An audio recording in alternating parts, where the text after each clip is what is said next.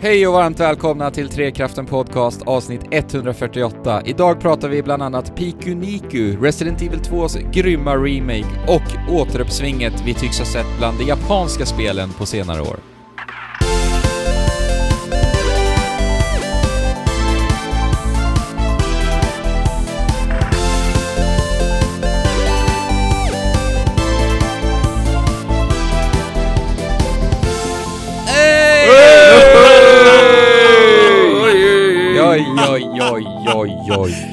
Jaje.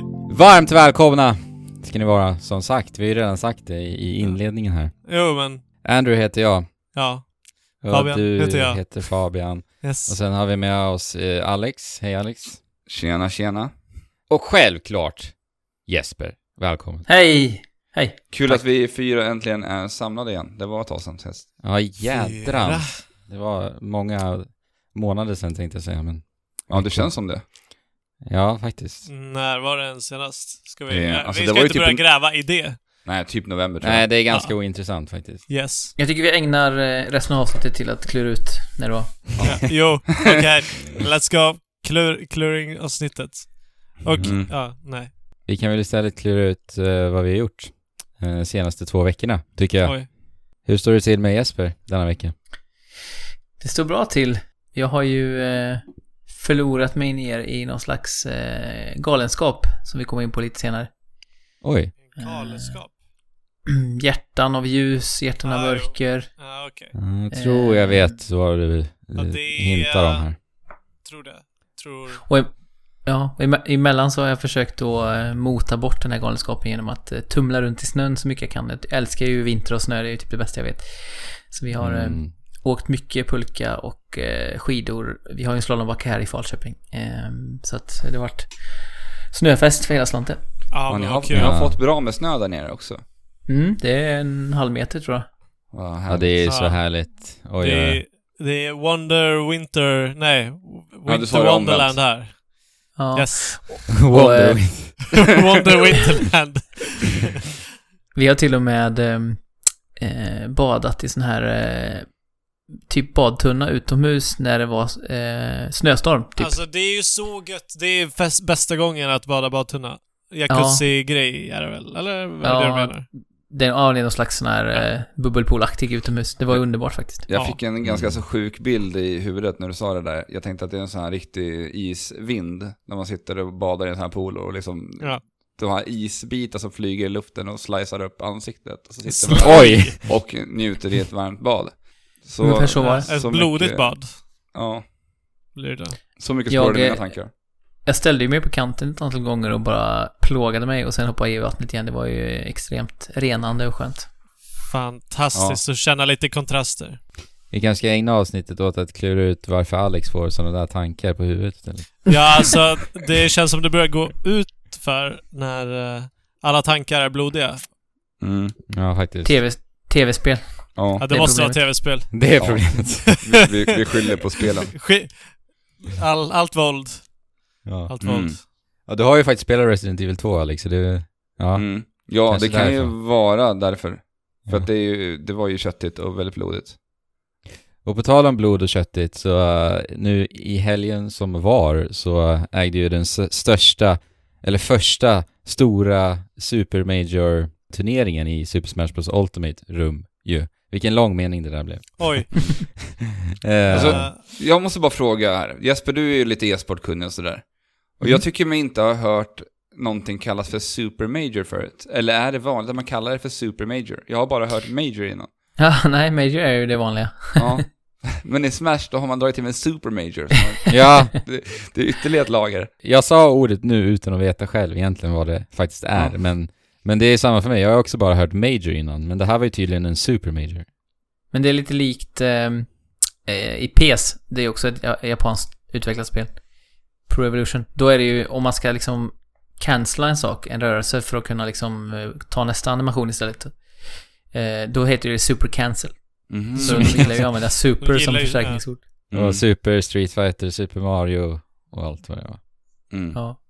Jag och Alex har ägnat eh, ett par timmar i helgen i alla fall åt att kolla på detta.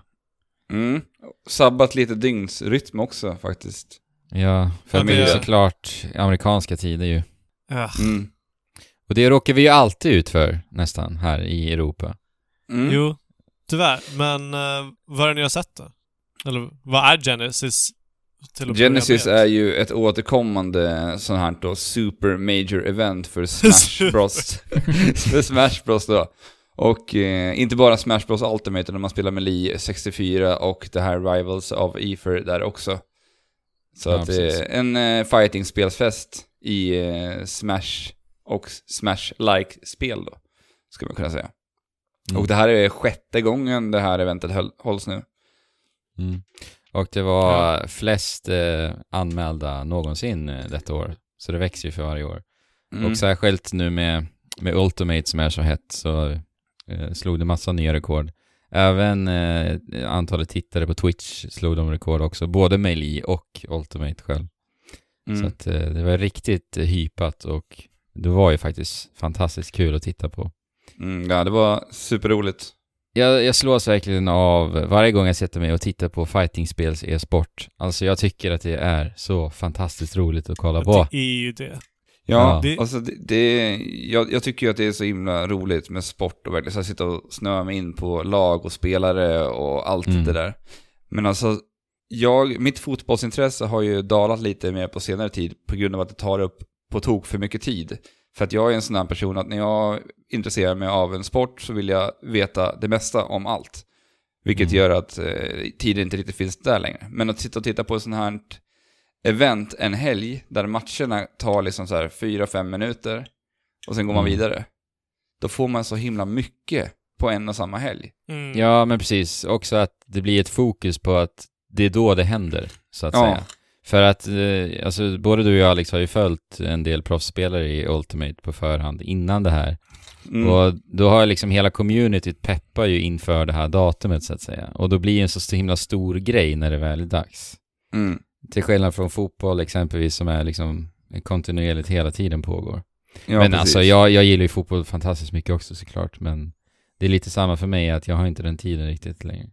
Den tiden man vill lägga på det liksom. Nej, exakt. Eh, vi hade ju faktiskt två stycken svenska spelare som var med i, eh, i Ultimate. Eller vi hade väl Mm. tre stycken, men det är två stycken stora. Och det är ju Leffen och Armada. Som Ja. båda, båda har tävlat då i eh, Super Smash Bros med Lee tidigare. Och Leffen också då toppspelare i Dragon Ball Fighter C också. Ja, det är han. Japp. Han är en av Europas bästa i det. Och han har varit en av världens bästa också. Mm. En eh, Luke och en eh, eh, Darth Vader där, av de två. Det vill säga Leffen som är eh, ondingen och eh, Armada som är ja. genomgod. Ja, Fast så. Leffen har ju gjort någon slags eh, personlighetsförändring också och blivit lite mer vettig, verkar det som. Mm. Ja. Har han varit ovettig? Jag, har jag har varit ingen koll här Han överhuvudtaget. har varit riktigt såhär toxic och liksom, ja, Ja. men, ett Ah, as liksom. Right. Men han har, han har uppenbarligen byggt sig en enorm fanskara för att det var någonting man fick se mycket när man följde den här streamen. Folk Mm. skriker Leffen liksom i den här chatten hela Mm. tiden. Och innan det här eventet så var det också ett snack just om eh, seedingen inför, inför Genesis. För att de... inför det här eventet så, då, dra, så sidas då spelare in från alla världens hörn. Och Aha. i den här sidningen så vart det lite uppror ifrån europeiska spelare. Framförallt Leffen då. För det var nämligen Aha. så att eh, de europeiska spelarna hamnade bra mycket lägre än vad de hade förväntat sig. Att Aha. spelare som inte ens har deltagit i en enda turnering i Super Smash Bros Ultimate ännu hamnade högre än Gluttony som vann den första europeiska tävlingen. Hamnade Och då ja. över. Och även Leffen som deltog i den. Ja, precis. Så hamnade han Mr. R som var bäst i Smash 4 över dem. Mm. Och han bestämde sig för att höra av sig till de här uh, seeding-teamet då hos Genesis. Och han fick från svar att, som svar att eh, det, är, det är så tomt på proffsspelare ute i Europa att det är ungefär som att man skulle sida in Antarktis i det här. Va? alltså, vad va, va, va, vad är det för, för amerikansk arrogans? Ja, men det, det är löjligt. Men det här tar ju Leffen vidare och börjar Aha. liksom driva med det här och påstå att alla europeer är då pingviner. Okej. Så Det att nu har det ju så. blivit en grej liksom i eh, Smash Smash-scenen att eh, kalla europeer för pingviner. Och Okej. i den här chatten då så, så postar folk då emojis ifrån eh, Leffens Twitch-kanal där han har skapat en, eh, eller det är ett fan till honom som har skapat en pingvin som han har som sin profilbild. Ja. Aha. Så det bara postades massvis av pingviner. Det är det som är så häftigt med e-sporten, att sådana här saker går ju så extremt fort. Mm. Det händer ju i vanlig sport också, här med till exempel att man kastar bläckfiskar på eh, NHL-matcher när det blir hattrick och sådana saker. Men sånt här går ju så extremt fort inom e-sporten. På liksom några timmar så är det Mm. ett etablerat liksom skämt Ja. eh, som alla känner till. Ja, men det, alltså det var fantastiskt kul att, att följa Twitter den dagen det här hände. Ja, För för det var ju bara några dagar innan Genesis också. Ja, alltså alla tog ju tag i det här och det skapades eh, memes till höger och vänster och det var jätte, jätteroligt. Och sen, Alex, du berättade ju om någon tweet som Leffen hade gjort. Mm. Att, hur var det nu? Ja, det han hade skrivit, eh, strax efter det här så hade han skrivit att det är väldigt svårt att starta upp en switch när det är minus 133 fa- grader Celsius och så här. ja. Ja. ja. Det är kul när sånt händer faktiskt. Ja, Eh, och det här, kom, det här kommer ju troligtvis leva vidare. Europeer kommer ju vara pingviner nu framöver. eh, Mm. Inom Smash-scenen. Ja. Vem, Vad eh, kul. Vad kul. Vem tog hem eh, turneringen till slut? Eh, vi hade faktiskt väldigt tur. Vi sa ju att vi fick sitta upp och, och dygna nästan, om man ville se allting då. Men eh, finalen vart väldigt försenad. Precis. Och avslutas här idag, måndag, när vi spelar in det här. Så att vi kunde ju vakna idag och faktiskt avnjuta finalen till morgonkaffet. Mm. Vilket var helt Precis. toppen. Jag fick se de sista tre matcherna. Mm. Och eh, det slutade med att eh, mexikanen MK Leo tog hem hela kalaset. Aha, är inte Zero också från Mexiko? Nej, han är från Chile. Chile. Precis. Han är från Chile, just det. Mm. Och Zero spelar ju inte längre. Han har ju gått in för att streama fullt ut nu. Ah, Okej, Ja, han har en han- YouTube-kanal också där han Mm. Ja, eh, precis. har lagt upp hur man Streamar spelar dagligen. spel. och- Ja. MK Leo vann, Leffen hamnade på 17 plats, vilket Mm. han var väldigt nöjd med. Eh, med tanke på att han eh, mötte egentligen enbart Smash 4-spelare. Och eh, vi vet ju att Smash Ultimate är ju mer likt Smash 4 än vad det är likt eh, Melee, som annars är hans eh, bollpark så att säga. Så att eh, det var ändå jäkligt kul att se honom göra så bra ifrån sig. Och det var ändå otroligt jämna matcher, så jag tror absolut att ge honom lite mer tid i det här spelet så kommer han bli riktigt, riktigt vass. Mm. Jag tror att Armada, Armada hamnade väl på, jag tror att det var 97 plats eller något sånt här. Ja, det var ändå så bra. Ja, och det Okej. var ändå 2100 deltagare däromkring i eh, turneringen. Ja. Oh lord. Och båda, båda de två kommer ju vara med på en stor turnering snart framöver. Där de har blivit inbjudna som en av de bästa spelarna i hela Smash-communityt. Det är Mm. en så här inbjudan turnering så att säga. Men eh, ja, det var skitkul turnering. Kul att se också en 15-årig japan vara i, i top 8. Helt Nej. galet. Jo. Sjukt. Eh, och han har ju vunnit i stort sett varenda turnering borta i Japan. Så kom han hit och bara totalt dominerade ända fram till top 8 liksom. Ah. 15 år. Vilken eh, karaktär, eh, eller vilken eller vilka karaktärer kunde man se dominerade? Eh, Ingen. Okej, härligt. Det var bara olika karaktärer i hela top Nej, 8. vad kul. Ja. Mm. Det har alltid varit, det har alltid varit bara ett fåtal karaktärer som alla spelar med. Mm. Och ja, det är kul att se just finalisten, ena finalisten spela alltså Pichu. Ja, men Pichu har ju blivit rankad som en av de bästa. Ja, ja men jag tycker bara det är roligt för det är en, Ja. liksom en så, så liten karaktär som är så lätt att och KOa, men ändå Ja. så bra. Ja, och så tar han skada när, när eh, Ja, när du han gör utför attacker. attacker. Mm. Ja, Ja, men uh, Andrew, har du någonting eh, från ditt smashande att dela med dig av den här veckan? nej, egentligen inte. Inte? Alltså jag, jag fortsätter ju spela. Och Ja. det är fantastiskt roligt och det blir extra kul när man blir lite inspirerad och superpeppad utav den här turneringen och sådär. Så. Ja, det är ju det bästa. Jag och Alex satt väl några timmar idag senast och spelade. Fast, Mm. Fast du ljuger ju nu, Andrew. Vi vet ju att du har någonting speciellt att dela med dig av. Bara att du glömmer bort det själv, tror jag. Du har egentligen uppnått eh, ett eh, mål som du har haft här Ja, sen du började spela. Vänta, vad är detta? Eh, att jag har kommit in, blivit inbjuden till Elite Smash eller? Precis. Ja. ja men det har hänt. Så nu är jag gud, som vi sa förra avsnittet. Gul. Gud. Gud. Gud. Mm. Mm. Så du, så du behöver bara nu klättra i den här gud, gudarankingen så att du blir eh, högst upp på det här berget som man klättrar upp för. Mount Olympus, Mhm. kanske. Precis. ja. Ja, eh, hela den här månaden ska jag spela Inkling en, enbart och bli bra med Inkling. Det är min main-karaktär nu. Jag tycker att eh, vi gör så här nu att vi rör oss vidare. Vi kanske ska beta av något utav Alex spel till att börja med. Jag ser att du har en del här uppskrivna Alex. Mm. Vad har du Det, spelat? jag har ju två stycken återlanseringar och eh, en liten ny titel som vi får se om vi hinner med. Annars tar vi ett annat avsnitt. Men eh, jag har ju Mm. spelat New Super Mario Bros U Deluxe. Ja. Okej. Mm.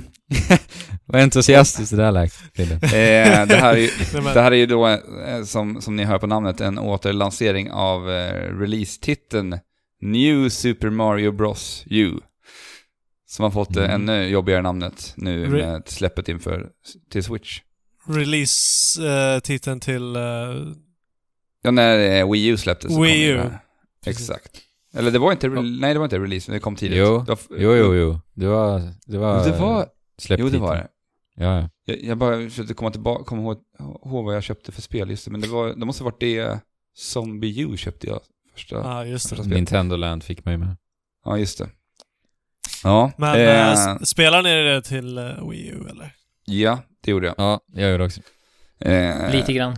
Men anledningen till varför jag varit nyfiken på det här är ju för att de i den här utgåvan har de också inkluderat eh, det här som eh, hette New Super Luigi U, som var DLC som släpptes till eh, New Super Mario Bros U. Just det, i Year of Luigi. Ja, precis. Exakt. Year of Luigi som de hade där som någon liten kampanj. eh, Också roligt att de måste ta igen Year of Luigi nu eh, förra året genom att döda Luigi brutalt. Så att han Mm. inte blir för kaxig. ja, det, det är viktigt. ja, men eh, så jag har faktiskt fokuserat enbart på att spela, spela Luigis del i det här spelet. Och eh, det ska ju vara ett mycket svårare läge än eh, gr- grundspelet då. Ja, där vi har eh, bra mycket kortare tid på banorna, lite mer utmaningar. Li- med, lite mer utmanande än vad det är vanligtvis. Och eh, framförallt när det kommer till hur vi ska hitta de här eh, olika stjärnorna. Det kräver lite mer precision i hopperna, hur vi ska ta oss an de här plattformsbanorna. Och sen har ju också Luigi ett väldigt annorlunda sätt att röra sig på än Mario. Han har ju Mhm. de här eh, väldigt flytande hopperna, så att han nästan Mm. svävar när han hoppar upp i luften. Ja, precis. Är det Jigglypuff i Smash eller? Nej, det är nog Luigi i Smash. Ja. Han känns ganska bra. Snarare ja, ja, men det gör han tycker jag. Okej. Det, det är väl egentligen baserat på... uh, han fick ju de här hopparna i Super Mario Bros 2, där han hoppade lite högre och var lite mer så flytande i luften. Precis. Mm. Sen, sen har ju det varit liksom Luigis... Kännetecken. eh, Ja, lite så.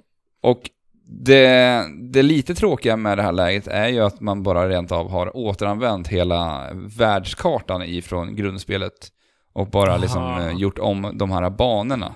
Jag hade gärna velat sett att man hade gjort en annorlunda världskarta för att få det kännas lite nytt och fräscht. Ja, Visserligen, visserligen kan jag förstå varför man gjorde så här när det här släpptes.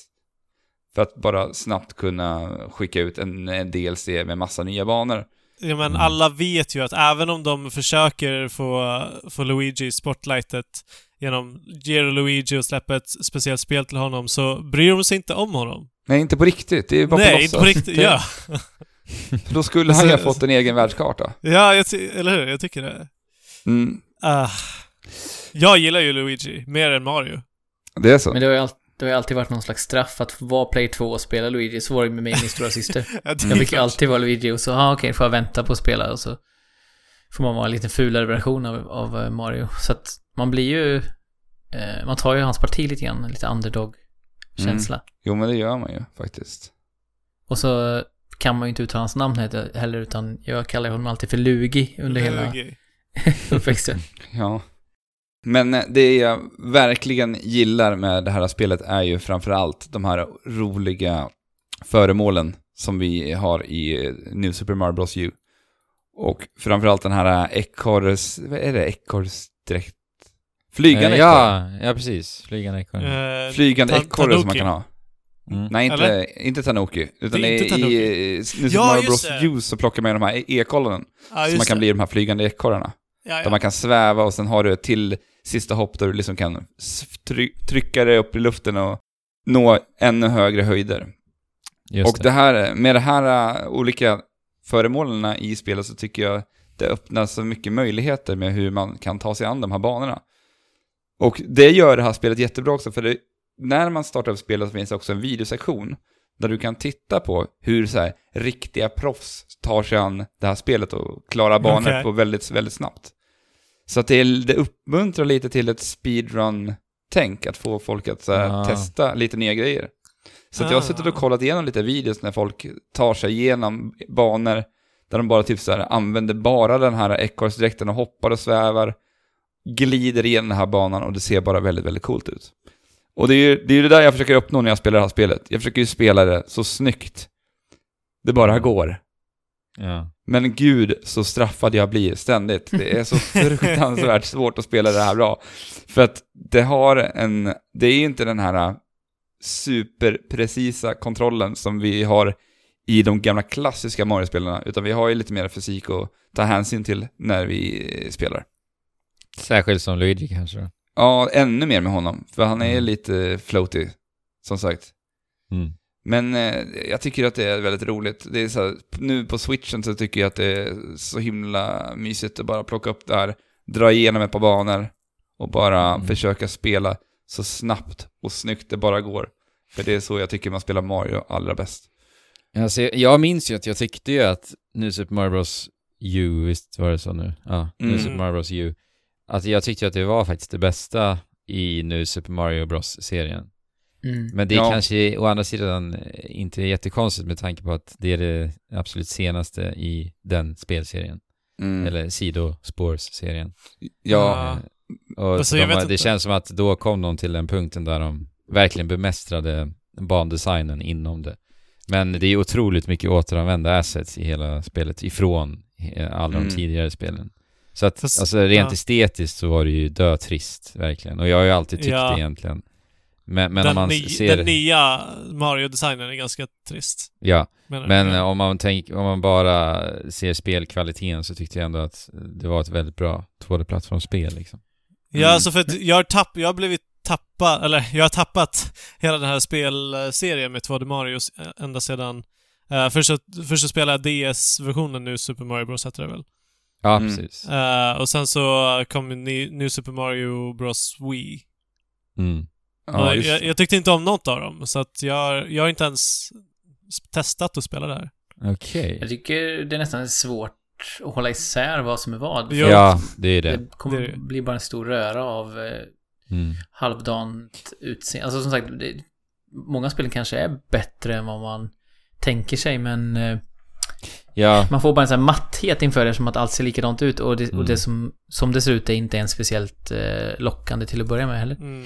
Men Nej. det, det jag nog tycker är det, gör det här till det bästa i New Super Mario Bros-serien är, är nog mycket de här föremålen också. För att det Aha. finns jättemycket roliga, alltså de har ju, de har ju tag, bevarat de här bästa grejerna och lagt till Mm. nya saker som gör det ännu roligare.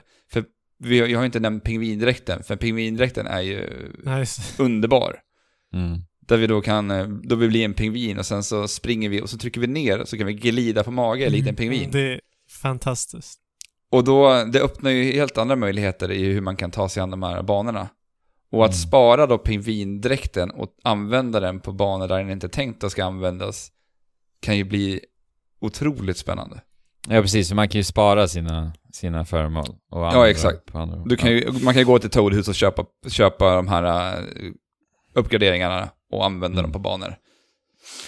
När du vill, hur du vill. Det stora pingvinavsnittet. Mm. Det stora Eh. pingvinavsnitt. Nej men så det, det gillar man liksom 2D, 2D Mario plattformsspel, har en Switch, inte har spelat det tidigare spelet, så tycker jag ändå att det här är en stark rekommendation. För det, det finns som sagt två spel i det här. Mycket Ja. spelglädje att hämta och mycket underhållning. Funkar också att spela co-op. Och det. i det här spelet så har de lagt till en, eh, vad heter hon nu? Toadette. Peachette. Peachet. ja men det är eh, Toadette som förvandlas till Peachette. Mm. Och det ska ju vara en, den eh, enkla karaktären. För de som Mm. har lite svårt att ta sig in i det här spelet. Just det. Många bra 2D-plattformsspel till Nintendo Switch nu alltså. Mm.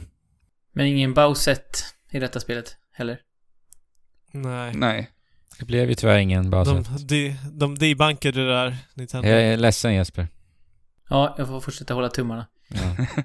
Jag och Nisse satt ju och drömde om, eh, på tal om kvinnliga karaktärer i spel, så att vi skulle kunna spela Breath of the Wild i, i co-op. Eh, och att jag skulle spela Zelda och han Link då. Ja. Eh, Linkel. Ja, ja, Link. Eller Linkel för den delen. Men eh, att, eh, att få spela i den världen i co-op så att vi och liksom verkligen Ja. läskade varandra med och pratade om. Ja, alltså... Ja, det vore ju härligt alltså. Alltså, de, jag är fortfarande lite bitter över att de inte gjorde något me- mer av DLC. Ja. Vi får bida vår tid. Eh, kanske blir ett eh, flerspelarupplevelse så småningom. Jag vet Kommer- inte om man vill det, men... Kommer du fortfarande ihåg DLCn Fabian?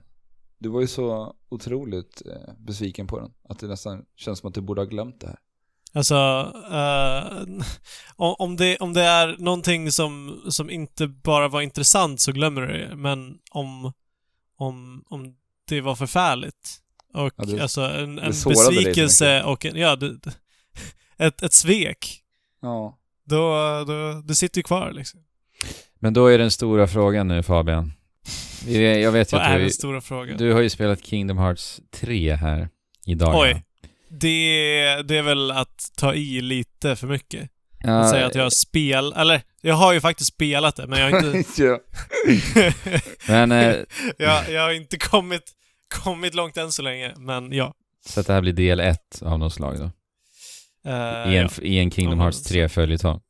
Men Eh, har yes. Kingdom Hearts 3 svikit dig på något sätt? För jag vet ju att du har haft eh, lite blandade känslor på förhand kring det här spelet. Ja, alltså jag, jag har ju varit... Eh, jag har försökt hålla mig pessimistisk. Ända fram till släppet och jag började titta lite på det och jag bara så här, ja men det ser ut att kunna bli någonting och sen så var jag lite förväntansfull där mot slutet. Mm. Innan, precis innan det skulle släppas. Vi kom ju in eh, i Kingdom Hearts 3 med väldigt olika ingångar du och jag Fabian, för jag har ju också spelat det. Mhm. Eh, och jag har ju aldrig spelat eh, en minut av ett Kingdom Hearts-spel tidigare. Ja, det ska bli Eh, intressant. ja, Där, se hur det däremot... eh, sig. Ja, verkligen. Men däremot ehm, eh, så har jag ju då, jag nämnde den här galenskapen tidigare och det är ju Ja. såklart att jag har då eh, marinerat mig i eh, Kingdom Hearts story i ett försök att eh, vara uppdaterad när jag ska börja spela Ja. Kingdom Hearts 3. Det, det, det, det är att rekommendera eftersom att det är en väldigt, väldigt trasslig historia detta. Ja, jag har ju kollat på alla videos som Svampriket och Linus eh, gjorde eh, angående, och det är ju liksom då sju videos, tror jag det. Totalt, totalt sett eh, Hur ett par långa är de timmars. då? Ja, de är väl en 20-25 minuter styck, så att det är ju liksom Jäklar. ett par timmars eh, och, tittning. Han har ju lagt ner, vad sa han, 150 timmar sammanlagt eller någonting på det. Helt. Ja, det är otroligt alltså. Eh, Men han har gjort det väldigt bra. Jag kan verkligen rekommendera Ja. dem för det är både roligt och informativt liksom. Men ja, jag tittade lite eh, och jag tittade även, han har ju en eh, snabb genomgång också för den som, mm, för den som inte har timtal att lägga på Hur lång är den då? två minuter. Nej. ja, shit. Men så har jag även lyssnat på Waypoint som går igenom storyn. Eh, och tar den på, liksom, på största allvar och försöker verkligen bena i det. Och sen har jag även eh, tittat på den här Memory Archive, ja, vad heter det, inledningen där i, som man i menyn börjar- kan man ju som se. kan börja Mm. med, precis. Som Men de okej, har gjort. vad, vad har du tagit med dig utav allt detta researcharbete på förhand? Se, två, två minuter. Oj, oj. Ehm, vänskap är ju starkare än någonting annat. ja. Det är ju kärnan i det på något sätt.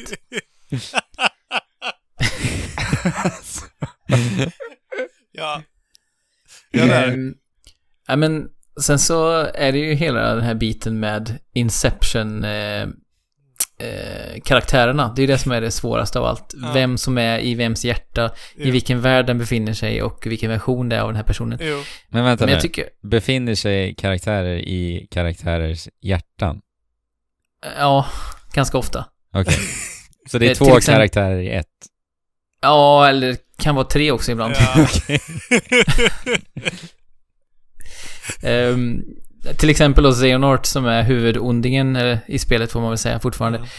Han har ju tre eh, versioner av sig Ja, själv. Typ. Fast han har också 13 versioner av sig själv på ett sätt. För att, Jo. För att det finns Eh. två Organisation 13 ja, olika... som, ha, som är då den onda skuggorganisationen. Ja. Eh, men grejen är att en av de här organisationerna eh, har ju utvecklat sig till att bli någon slags, vad ska man kalla det, androider som vill ha liksom, som vill få ett riktigt liv. Ja, Eh. alltså här, här finns det hjärtan och det finns de som inte har några hjärtan i Mm. detta universum. Och de som, de som inte har hjärtan är ju inte rakt av onda, utan de har blivit mer självmedvetna och vill liksom få ett fullvärdigt liv på något sätt. Ja. Eh, Medan den här riktiga Organisation, Organisation 13 består då av egentligen 13 skal eh, av Xehanort som de ska fylla då med, eh, Ah, okej. eller t- 13 skal som ska fylla med honom, rättare sagt, hans ondska liksom. Eh, så att, ja, nej, men det är väl det, just det hur olika karaktärer relaterar till varandra och Sora då som är ju den stora hjälten i serien Mm. har ju på olika sätt burit personer i sitt hjärta men också andra som har eh, sett till att hans hjärta läker och så vidare. Så att ja, det handlar ju hela tiden om det här med eh, relationer och hur de påverkar eh, eh, andra människor kan man Mm. säga. Det är väl liksom grunden i det hela. Och det är ju ganska fint. Det men det jättefint.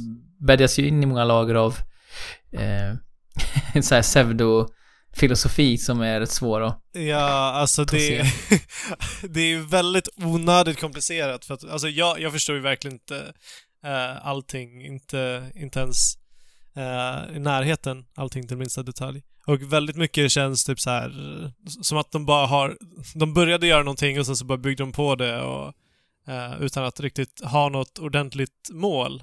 Men sen, Mm. som sen så nu börjar det definieras någonstans. Jag vet inte om det, det kommer bli ännu klarare ju längre vi ger oss in i Man hoppas ju, men, men det märks det är ju Tetsuya Nomura som är det stora liksom namnet Ja. i den här spelserien och eh, det märktes ju även när han eh, tog över Final Fantasy i mångt och mycket eh, hur otroligt, eh, som du säger, eh, tillkrånglat eh, och eh, det är som att man man vill inte heller berätta saker rakt ut för att det skulle vara ett smart berättargrepp.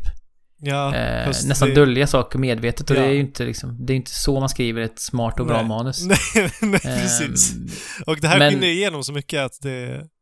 Ja, det gör det. Men jag, jag måste ändå säga det, det är så lätt att så här, håna Kingdom Hearts, det är många som gör det hela tiden. Men jag, i, jag är fascinerad ändå av eh, karaktären och deras relationer och liksom för att försöka så här, sortera bort all den här gyttjan som finns emellan också och bara se att ja, men det är ändå intressant att faktiskt få, som du säger, någon form av eh, slut. Alltså, det här spelet ska väl ändå vara då trilogin där Xehanort eh, avslutas, liksom, den här ondingen. Så man ska väl få rätt många svar förhoppningsvis i Kingdom Hearts 3. Ska det vara det? Det har jag hört i alla fall, men som sagt, det känns ju som att... Men det kan vi ju... Det, Det kommer återstår att se. Ja, precis. Ni Ja. kommer ju kunna svara på Ja. det snart. men något som funderar mig, eller något som eh, gör mig väldigt förvånad, ska jag säga, förvånar mig. Eh, jag har aldrig spelat Kingdom Hearts som sagt, är att Sora eh, är ju då tillsammans med eh, Kalle som är eh, magiker och Mm. eh, Långben som är eh, riddare. Yes. Och Musse är ju kung då. Eh, jag vet inte vad han är kung över riktigt, men han är i alla fall kung eh, på något sätt. Kanske inte behöver vara kung Nej, över men- någonting. Nej, men han är kung över, eh, över slottet. Världen. Jag, jag vet inte. Eh, du han- vet inte heller. Disney-slottet. Det Ja, finns en alla- värld där med Disney-slottet. Och min Jaha, kompis som jag lunchade med häromdagen, han, han sa det ganska bra. Han, han sa att uh, Musse är lite som Yoda. För Yoda, eh, är ju liksom då så här gammal vis grandmaster. Ehm, Ja. Men det jag ska säga är att eh, Sora blir ju konstant liksom trackad av Kalle och Långben och det är en otroligt oseriös stämning. Alltså första timmen så blir jag helt såhär, är det här tonen i spelet? För jag hade ju liksom bara sett de här genomgångarna där folk liksom dör till höger och vänster och de försöker förgöra världar och försöker rädda världar och och liksom vandrar i mörkret och, och så plötsligt så bara är det någon slags slapstick-kalas med eh, där Kalle och, och Långben bara så här, eh, ja som sagt, håller på och typ mobbar Sora för att han är så kass hela tiden. Ja, han har ju förlorat sina krafter och... Ja, precis. Det är ju det som är liksom premissen i det här spelet som man vet om i början att Sora måste försöka återfå sina krafter som han har förlorat. Ja. Och de, de Originellt. så här, ja, ja, de åker liksom runt i världar och så i början av spelet så kommer de tillbaka till Jensid då som är, eh, eh, som är Musses eh, mentor då. Så han är ett steg upp i, i hierarkin. Och då säger de sådär, ja men hur gick det? Ah, eh, det var en riktig besvikelse. Sen säger de och tittar på Sora, Ja. eh, Kalle och, och Långben. Så att, eh, ja. Men du sa Fabian att eh, du var också förvånad. Det var inte bara jag, utan det här kändes också lite okaraktäristiskt totalt sett. Att det var så otroligt ja, lättsamt till att börja med. ja, eller alltså det, det är så mycket, eller det är ver verkligen bara pang på in i spelet. Det brukar vara så här, ja, i, i synnerhet i Kingdom Hearts 1 och 2 så var det långa inledningssekvenser som liksom vaggade in en lite i, i det här universumet, i det här liksom i spelet i sig liksom. Och det har varit nice, men här bara börjar vi direkt. Men jag måste gå tillbaka ett steg och säga att um, först fick jag skivan i handen och satte in den i mitt PS4. Eh, och slogs av den otroligt vackra huvudmenyn. Mhm. Och musiken där, det är huvudmenyn som det brukar vara. Och där fick jag så, så, så, så starka feels. Att, att jag var så här, ja men jag, jag kommer spela det här spelet. Ingen tvekan om saken. Grät du? Sen så trycker jag på New Game efter att ha njutit av det där ett tag. Sen kommer första besvikelsen. Att du gråter? Okej. Utada Hikaru. Eh, hon som brukar göra inledningslåtarna till de här spelen. Mm. Det här var definitivt den sämsta låten som eh, hon har gjort. Jag, jag gillar, jag, jag alltså, ehm, vad, vad heter de? Hikari eh, och My Sanct- Sanctuary är, är låtar som alltid kommer att ha plats i mitt hjärta. Men den här, vad tycker du om min inledningslåten? Jesper? Jag, jag la inte märke till den faktiskt. Eh, Det var lite dubstepig nästan. Okej, ja, jag tänkte inte Ja. ens på den. Det här är ju verkligen ett tydligt, en tydlig skillnad att, att det är en grej med inledningslåten i Kingdom Hearts. Det visste inte jag, så jag lyssnade liksom inte på den Nej, alls. okej. Eh, Om- Däremot tycker jag ju huvudtemat är supervackert. Ja, det det här är är det. pianosling. Eh, Men grät du? Nej, jag blev lite, jag blev lite tår, tårögd i menyn, men Ja. inte så mycket efter start. Länge sedan jag hörde att Fabian grät av något Ja. spel. Det var länge sedan. Det var ju en ständig så här, återkommande diskussion som, allt, som vi alltid pratade om förut. Jag har inte spelat så många känslosamma spel på senaste. Nej, men vi får se. Det kanske kommer en gråtfest Ja, längre fram i Kingdom Hearts för dig. Ja. Mm. Nej men okej, i, i Kingdom Hearts 3, så att det, först, det första jag slås av är hur otroligt omodernt det här spelet är. Det, Mm. det är liksom snudd på exakt så som Kingdom Hearts 1 och 2 spelades. Eh, I alla fall exakt så som jag minns det. Eh, och dessutom så är det inte särskilt snyggt, i alla fall inte på vanliga PS3. Och liksom det är PS4. Eh, väldigt, väldigt PS4. eh, väldigt, väldigt stela karaktärsmodeller och, och det, det ser typ inte ens snyggt ut när man eh, kommer in där till Olympus första, första världen. Mm. Ja, eh, den här PS3-kvaliteten har ju slagit mig också. Ja, det är ju, Eh. det, det är ju PS2-kvalitet till och med. Ja, men eh, jag tycker ganska mycket i liksom hur... Jag vet inte, saker och ting känns lite så här eh, plastiga och tomma kanske Ja. som det gjorde på PS2 och PS3. När man gjorde lite större miljöer. Ehm, det har jag tänkt på. Och sen även... ehm, jag tycker inte om eh, typsnittet som eh, undertitlarna är. Nej. Det, det har jag stört mig på. Ja. Men det, det har verkligen... Eh, ja, det var något jag tänkte på absolut. Att det kändes lite som en PS2 eller PS3. Däremot har jag sett en hel del vyer som jag ändå tycker är inbjudande och härliga. Ja, ja. liksom. Eh, Vyer och så. eh, är helt okej och så här. eh, om, områden. Men när, när man tittar på typ Hades och Hercules, dels också, alltså dels manuset, vad de snackar om och vad de eh, säger och hur de ser ut när de säger det. Det är, det är verkligen så här dockor. Ja, precis. Det, det märks ju att... eh, Det märks att vissa karaktärer har fått väldigt mycket mer omsorg än... Ja, precis. Jag tänkte på det också. De ser ut som plastfigurer liksom. Men jag tycker det redan på... Eh, jag åkte ju till eh, eh, Toy Story-världen efter. Ja.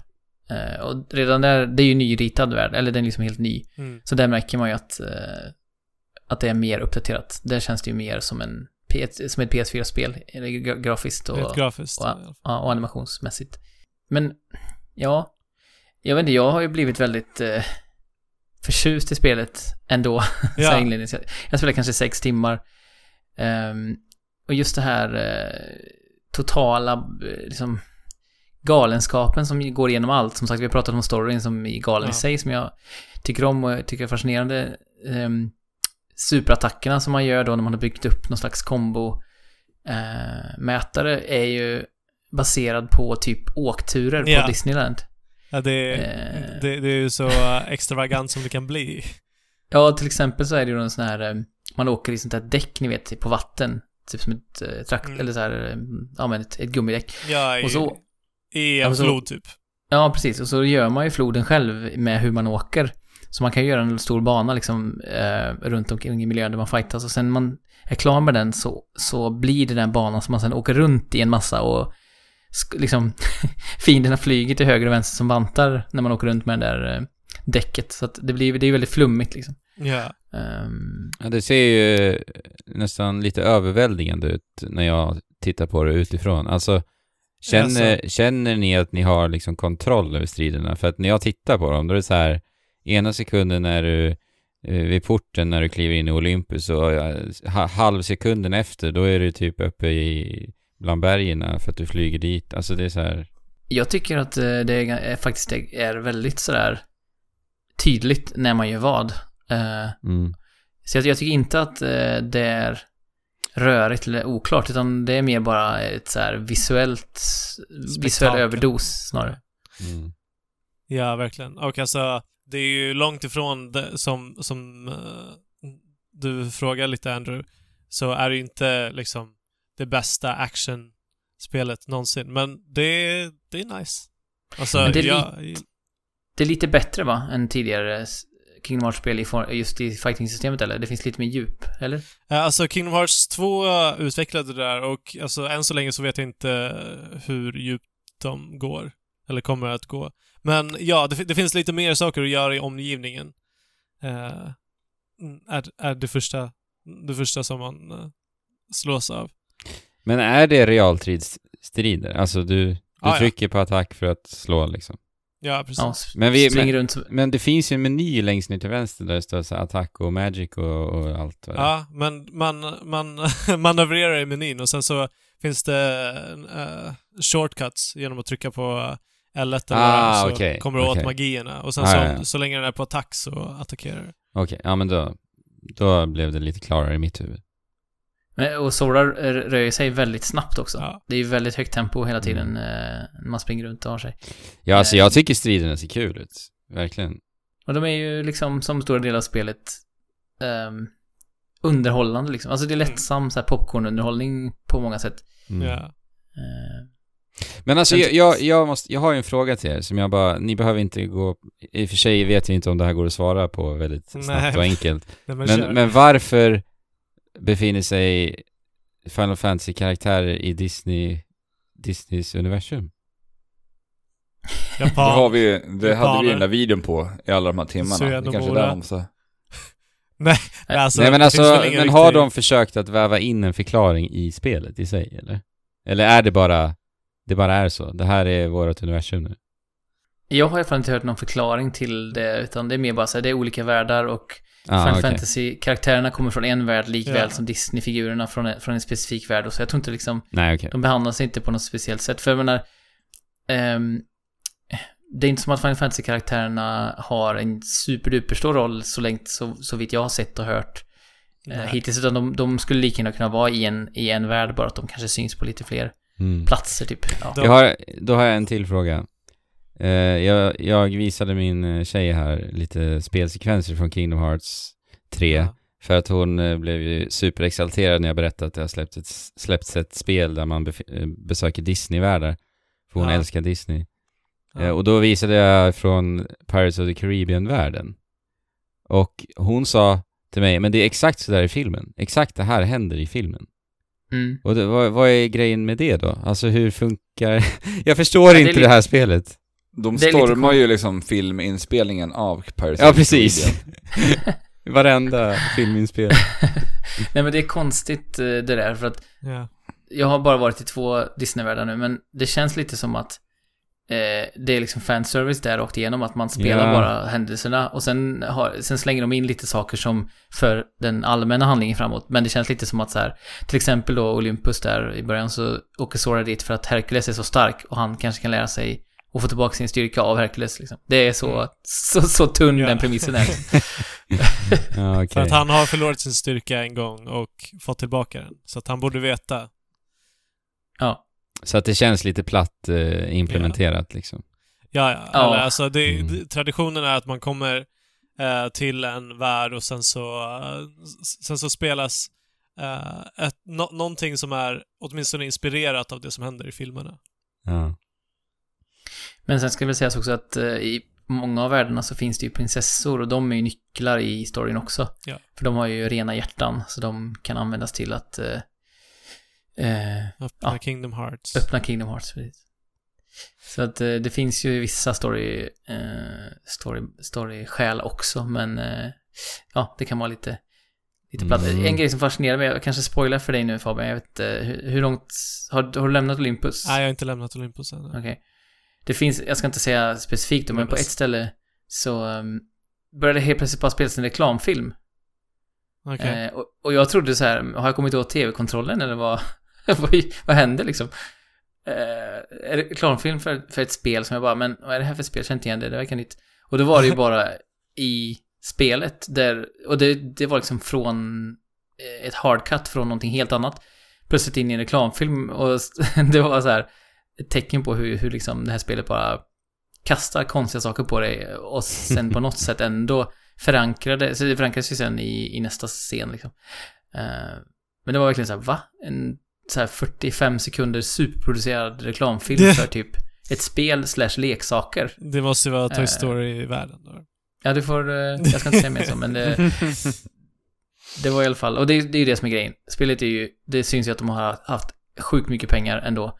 Eh, på många sätt. Eh, och, men det... Det är svårt att prata om det här spelet, det kanske blir rörigt, men... ja, vi kommer ju återkomma till det här såklart. Ja, Så, alltså det som är fas- fascinerande är att vissa miljöer är superproducerade, andra miljöer är så här.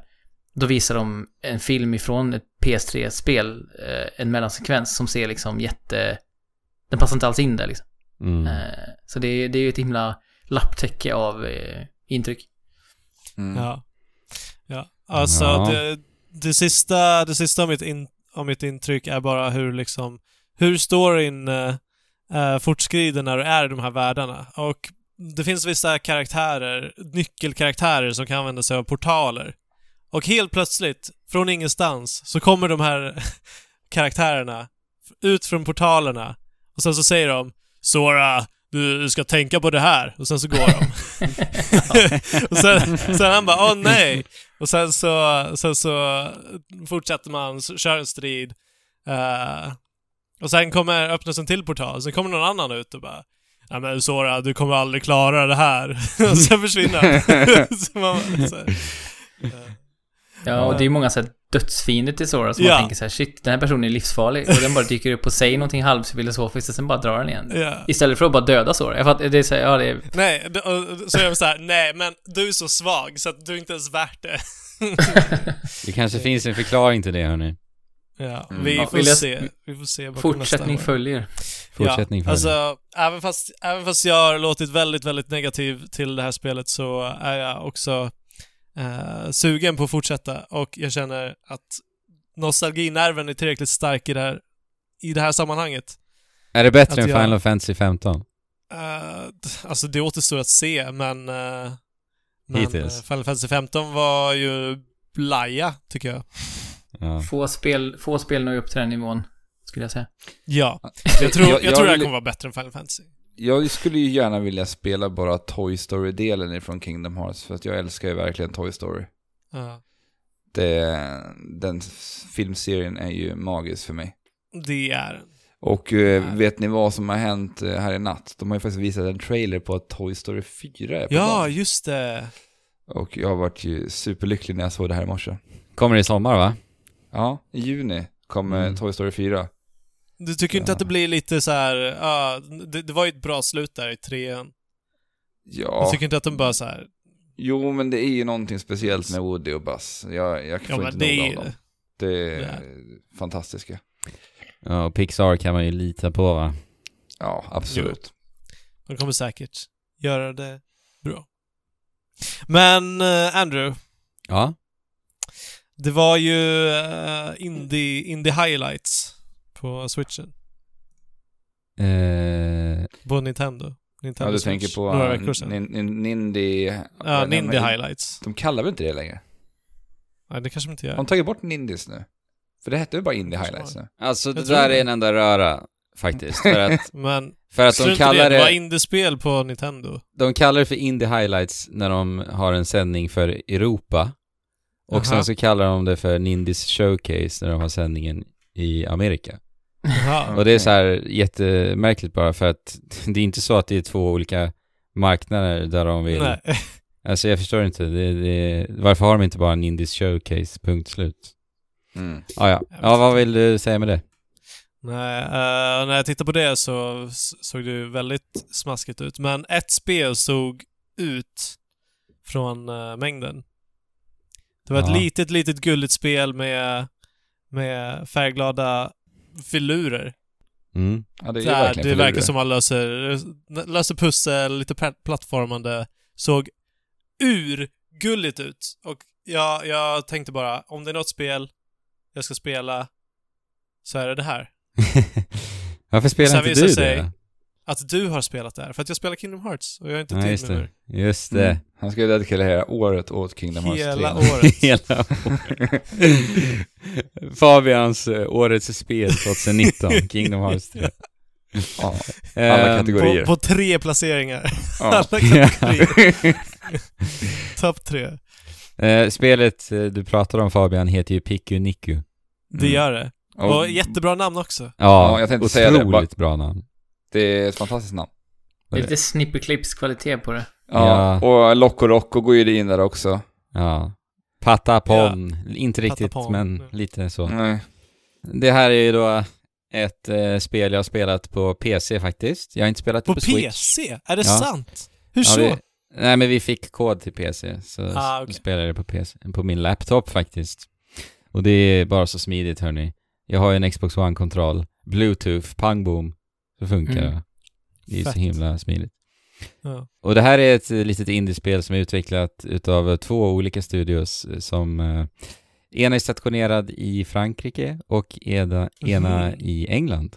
Så de har Oj! Det samarbetat kunde jag inte tro. över havet där. Ser ju jättejapanskt ut. Ja, Mm. faktiskt. De har ju till och med japanska tecken i, i Ja. titeln, faktiskt. Ehm, men det här är ju ett spel, alltså jag har inte spelat det på Switch nu, men oj vad det är perfekt för Switch. För det är ju bara ett litet simpelt, som du säger Fabian, jättegulligt, eh, litet spel med väldigt enkel spelmekanik som bara eh, är så här rogivande och härligt. Och det tog väl en tre, fyra timmar att klara av. Sen finns det ju en, e- även en eh, kooperativ del som jag faktiskt tyvärr inte har spelat ännu. Jag får Nej. se om... vi, vi, vi hade tänkt att spela det i skolan någon dag, men Ja, eh, det har inte det var av. massa, massa brädspelande istället. Men Ja. eh, jag är jättesugen på att faktiskt kika in co-op-delen på det här. För jag tycker det Mm. ser otroligt charmigt ut. Ja. Men det är alltså ett sidoskrollande 2D-pusselplattformsspel. Och den här världen är ju så jäkla färgglad och lekfull. Och så, du nämnde Loco Roco tidigare Alex. Mm. Och det, alltså estetiskt så tycker jag verkligen att det här spelet för tankarna till just Loco Roco också. Just för att Ja. det har ju verkligen den här grafiska stilen som är så otroligt supersimpel med bara så här plana färger. Det finns liksom inget djup eh, i, i nyanserna i färgerna. Nej, inga Nej. skuggor heller direkt. Nej, Så, precis. det, det är bara en färg, bam. Ja, och bara enkla geometriska former. Men sen att de ändå lyckas klämma in så mycket personlighet i det här, med det här så lilla. Mm. Ja. Det, det tycker jag är så imponerande. Om vi bara kollar på den här huvudfiluren som vi spelar, som heter då Piku. Och jag ska försöka förklara den här. Det är alltså en, tänk er en helkropp, röd helkropp, Ja. där eh, huvudet är ovalformat och ligger horisontellt. Och sen har du Ja. då två svarta pluppar som ögon. Ja. Eh, och sen så har du två långa ben med två små fötter som bara pluttas ut ifrån det här ovala huvudet. Det, är- Ja. det är karaktären. Det är Piku. Ja. Du, du, du visade mig eh, när du hade dragit ner det här spelet, Andrew, när du skulle Mm. visa upp eh, skärmen med det här. Och det var när du stod och styrde den här karaktären och sparkade utåt. ja. Vilket bara är så, var så otroligt tillfredsställande att titta på. Och det ser bara så himla charmigt ut. ja, men För det är så här Mr. Fantastic ben liksom. Ja, det blir lite spagettiben Ja. när du sparkar ut. Benen bara sladdrar, det finns ingen spänst i benet överhuvudtaget när du sparkar rakt ut. ja, det är så härligt. Och, och just det här skärmen som de pressar fram just med animationerna, som det här med benet då. Och, och även hur alla karaktärer bara rör sig. För att när vi går med Piku, och även alla andra karaktärer i spelet, så, så typ tar han, hen, hen får vi säga, jag vet inte, eller det, det är någonting. Eh, så här superlånga kliv. Och de viker sig på ett sätt, benen, som för tankarna till hur en flamingo rör sig. Tänk er en flamingo, Mm. lite så. Mm. Och det ser så gulligt ut alltså. och eh, bara så här när karaktärerna blir förvånade eller rädda eller liknande i spelet så, så här spänner de upp sina ögon så att man till slut ser ögonvitan för som sagt det är bara svarta ögon innan. och det är så här, så effektfullt verkligen. Men det är bara en så liten, Ja. liten, liten detalj. Så där, alltså där är, det superimponerande vad de har lyckats med alltså. Ja, men jag, jag tänker på det, när jag tittar på Piken så känns det som att det är det här äh, som du nämner nu, som har liksom legat i desi- som designfokus för de här utvecklarna. Alltså att Ja. göra allt så charmigt och så knasigt och gulligt. Men finns det någonting mer att hämta i det här spelet och vad gör man mer än att titta på den här otroligt charmiga, gulliga Mm. Piku? Alltså höjdpunkten är väl, alltså just bara att, alltså äv, äventyret är höjdpunkten om man säger så. Mm. För, för jag kan dra premissen lite snabbt. Vi får eh, bekanta oss med någon, eh, någon mäktig ledare av något slag i en introsekvens eh, som då är ute efter de här närliggande byarnas olika resurser. Och det kan vara, ena byn eh, har fr- friskt vatten som denne vill ha av någon anledning. Och allt det här, alla de här resurserna vill den här ledaren ha för att skapa en perfekt framtid och bygga en perfekt stad. Eh, Det låter lite fascistiskt. ja. och eh, det här gör han då i utbyte mot eh, gratis pengar. Så eh, titt som tätt så dyker han upp ovanför de, de här byborna eh, i deras byar och eh, regnar ner pengar på dem. För att de är Okej. snälla och hjälper till. Och det är en, för övrigt en väldigt härlig sekvens när det händer. Eh, och men under ytan då så verkar inte allt vara som det ska riktigt va. Så att eh, man blir någon form av rebell som försöker gå emot den här ledaren. Jag, jag tänker någon- inte på fascism och rebeller när jag ser det. Nej men det är det som är eh, charmen i, i premissen just. Alltså Mm. att det är inte riktigt så, alltså det spelet ger sken om, det är inte riktigt vad som, som ligger under. Ja, Men man, man utmålas väl som någon slags monster också? Ja, inte det är så härligt. Eh, Det, man, de, de, de, kallas, de kallar mig för en beast i inledningen av spelet. Beast, den där lilla gulliga figuren. Och, och det är så härligt i dialogerna hur de uttrycker att, att de liksom blev besvikna på mitt utseende. För att de är inte alls, det är inte alls skräckinjagande liksom. ja, det är så härligt. Eh, Men- så att man träffar ju på massa knasiga filurer under hela äventyret. Så att alltså dialogerna är, är kanon. Eh, och, Mm. och de är ju jätteexcentriska de här byborna som man möter. Och det är mycket humor. Eh, och en detalj jag också tycker om så mycket med allt vad vi har sagt, det är att när en karaktär inleder en eh, dialog i det här spelet så, så ställer de sig och trampar på plats. Och det ser bara så här, det ser bara så här skitentusiastiskt ut. Lite som att de som står och trampar och har myror i benen liksom. Ja, exakt så. Ja. Det är så härligt. Man blir bara glad. Men en, en liten detalj jag inte tyckte om, eh, som faktiskt eh, skar i ögonen på mig lite, just för att det här spelet har ett så himla stort fokus på just dialogerna. Det är att dialogerna justeras och förändras inte när jag redan har haft ett samtal med en karaktär. Ah, okej. Det brukar bara vara, liksom vara summerande efter att man pratar med dem för Ja, men exakt. gången Eller något. Exakt. Och det tycker jag blir lite fel när det är ett spel som är så, så fokuserat kring just dialogerna. Eh, och, och det här var liksom en miss jag inte riktigt kunde släppa för det är, det är en sån enkel liten detalj. Eh, men så, som sagt, det gör ganska mycket för den här övergripande känslan om spelet. Just för att det som höll mig engagerad i spelet ligger just i dialogerna liksom. Ja. Mm. Eh, och och det, jag tänker så här, hur kan inte speltesterna ha poängterat det? Alltså så tydligt tyckte jag att det var för mig liksom. Det låter som en viktig grej. Ja, faktiskt. Kanske har slarvat med speltestandet, helt enkelt. Ja, det var kul. Jag tittade faktiskt på eftertexterna. Eh, de hade 20 speltestare. Mm, det är ju inte jättemycket. Nej, det var inte mycket så att... Men eh, jag, måste ba- jag måste bara säga att jag sitter och tittar på lite bilder på Pikuniku. Och mm. att se det på bilder eh, är inte alls samma Nej. sak som att se det i rörelse. För Nej, att nej, nej. i rörelse är det en helt annan sak. Det ser ganska fult och tråkigt ut när man bara ser det Oh ja. eh, statiskt liksom. Men d- titta på en video först och främst innan, innan alltså, eh, säga som tips ja. till dig som lyssnar. Mm. Det tycker jag också. Nej, men som jag sa inledningsvis, eh, simpelt, gulligt, eh, litet eh, indiespel. Mm. Det tog ju som sagt tre, tre, fyra timmar att klara av och Finns det här på alla plattformar nu? Eller är det bara Switch och PC? ja, det är bara Switch och PC. Mm. Pusslen i sig funderar jag på. Jag är ju inte, jag är ju inte någon stor vän av pussel i Mm. plattformsspel. Eh, hur, liksom, vilken grad av... Nej men det går in i allt jag sagt simpelt liksom. Det är ganska rakt på sak. Det finns inget liksom genialiskt alls i, i pussellösning eller nivådesign så, utan det är bara en mysig liten, ett mysigt litet äventyr helt enkelt. Mm. Det låter som det passar mig då, den, den delen av det. Ja men jag kände, för min del så var det här ett väldigt skönt spel i, för mig i mitt liv just nu. Alltså det, jag spe, spelade vid ett så perfekt tillfälle känner jag.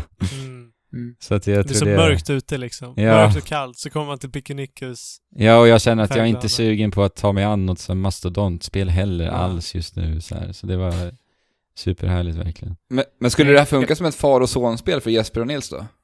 Och i co-open tänker jag på. Ja, men Är det så enkelt? Jag har inte spelat det riktigt som sagt, men ja, jag vet inte riktigt.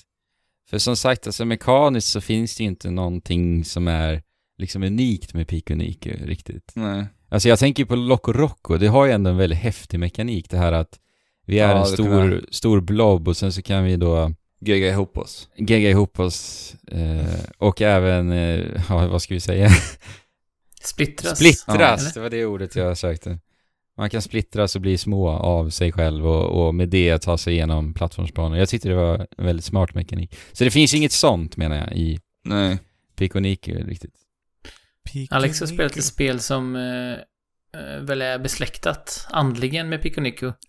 ja. Eh, som utspelar sig i en glad eh, polisstation. Ja, det gör det. Eh, jag har ju spelat Resident Evil 2. Remaken då. Just det. Och jag ska väl först säga att jag spelade aldrig tvåan, utan jag eh, följde snarare med farsan när han spelade det när jag var yngre. Satt Ja. bara och Mm. tittade bredvid när han spelade de spelarna. Både så här ettan, tvåan vet jag att jag kollade på. Så att jag, innan jag begav mig in i det här spelet så blev jag tvungen att liksom kolla lite videos på hur det här såg ut på gamla Playstation 2-tiden. Och eh, gud, vad det har hänt grejer. Det, ja. Det, man, jag slås varje gång när man går tillbaka och tittar på gamla Playstation-spel. Vad det har hänt Ja. mycket tekniskt alltså. Det är så smetigt. Ja, man, man, man tänkte att man såg ett ansikte, men egentligen såg man typ en smet med två eh, ljusare prickar Ja. som ögon liksom. ja. Och det, är- det är fruktansvärt. Man såg en På så många kommer du ihåg när allting var smet? Ja. Ja. Men eh, det, det är så mycket, så, vi, det har hänt så sjukt mycket. Bara den, en sån sak med dialoger. Dialogerna i Resident Evil 2, Ja, jag, originalet, ja, de är ju helt fruktansvärda. ja, Ja. ja, alltså det... Det är så torrt och det känns inte som att de pratar med varandra. Det känns Nej, som att de, De bara... bara läser Ja, de har ju Ja. manus, eh, manuset framför sig och bara läser liksom. Ja, men de har liksom inte försökt sätta dem i någon slags kontext, de som har spelat in röst, rösterna till det här Nej. spelet. Men eh, ja, det har ju såklart förbättrats till remaken, annars hade det ju säkerligen inte tagits emot lika väl som det faktiskt har gjort. Mm. Jag eh, var ju väldigt spänd på att kasta mig in i det här. Jag spelade i Resident Evil 7, vad är det nu, för två år sedan. Ja, det blir Och det vart nu. ju stor förälskad i det spelet. Jag tyckte det var underbart att känna att nu är Resident Evil äntligen tillbaka. För att de har ju varit lite på villovägar sedan egentligen Resident Evil 5, tycker jag. Mm. Och underbart att gå tillbaka till det gamla Resident Evil där vi liksom har nu mera begränsat med ammunition, mycket mera fokus på Mm. pussel, gåtor och allt det där. Sånt som jag faktiskt tycker är det bästa med Resident Evil. Mm. Men spelet börjar ju som sagt med den här polisstationen som Jesper så fint nämnde i början. Och vi spelar som antingen Leon eller Claire. Vi har två stycken stories i Resident Evil 2. Så att i början när du startar spelet så väljer du, ska du spela Claire eller ska du spela Leon? Jag valde att spela Leon första gången.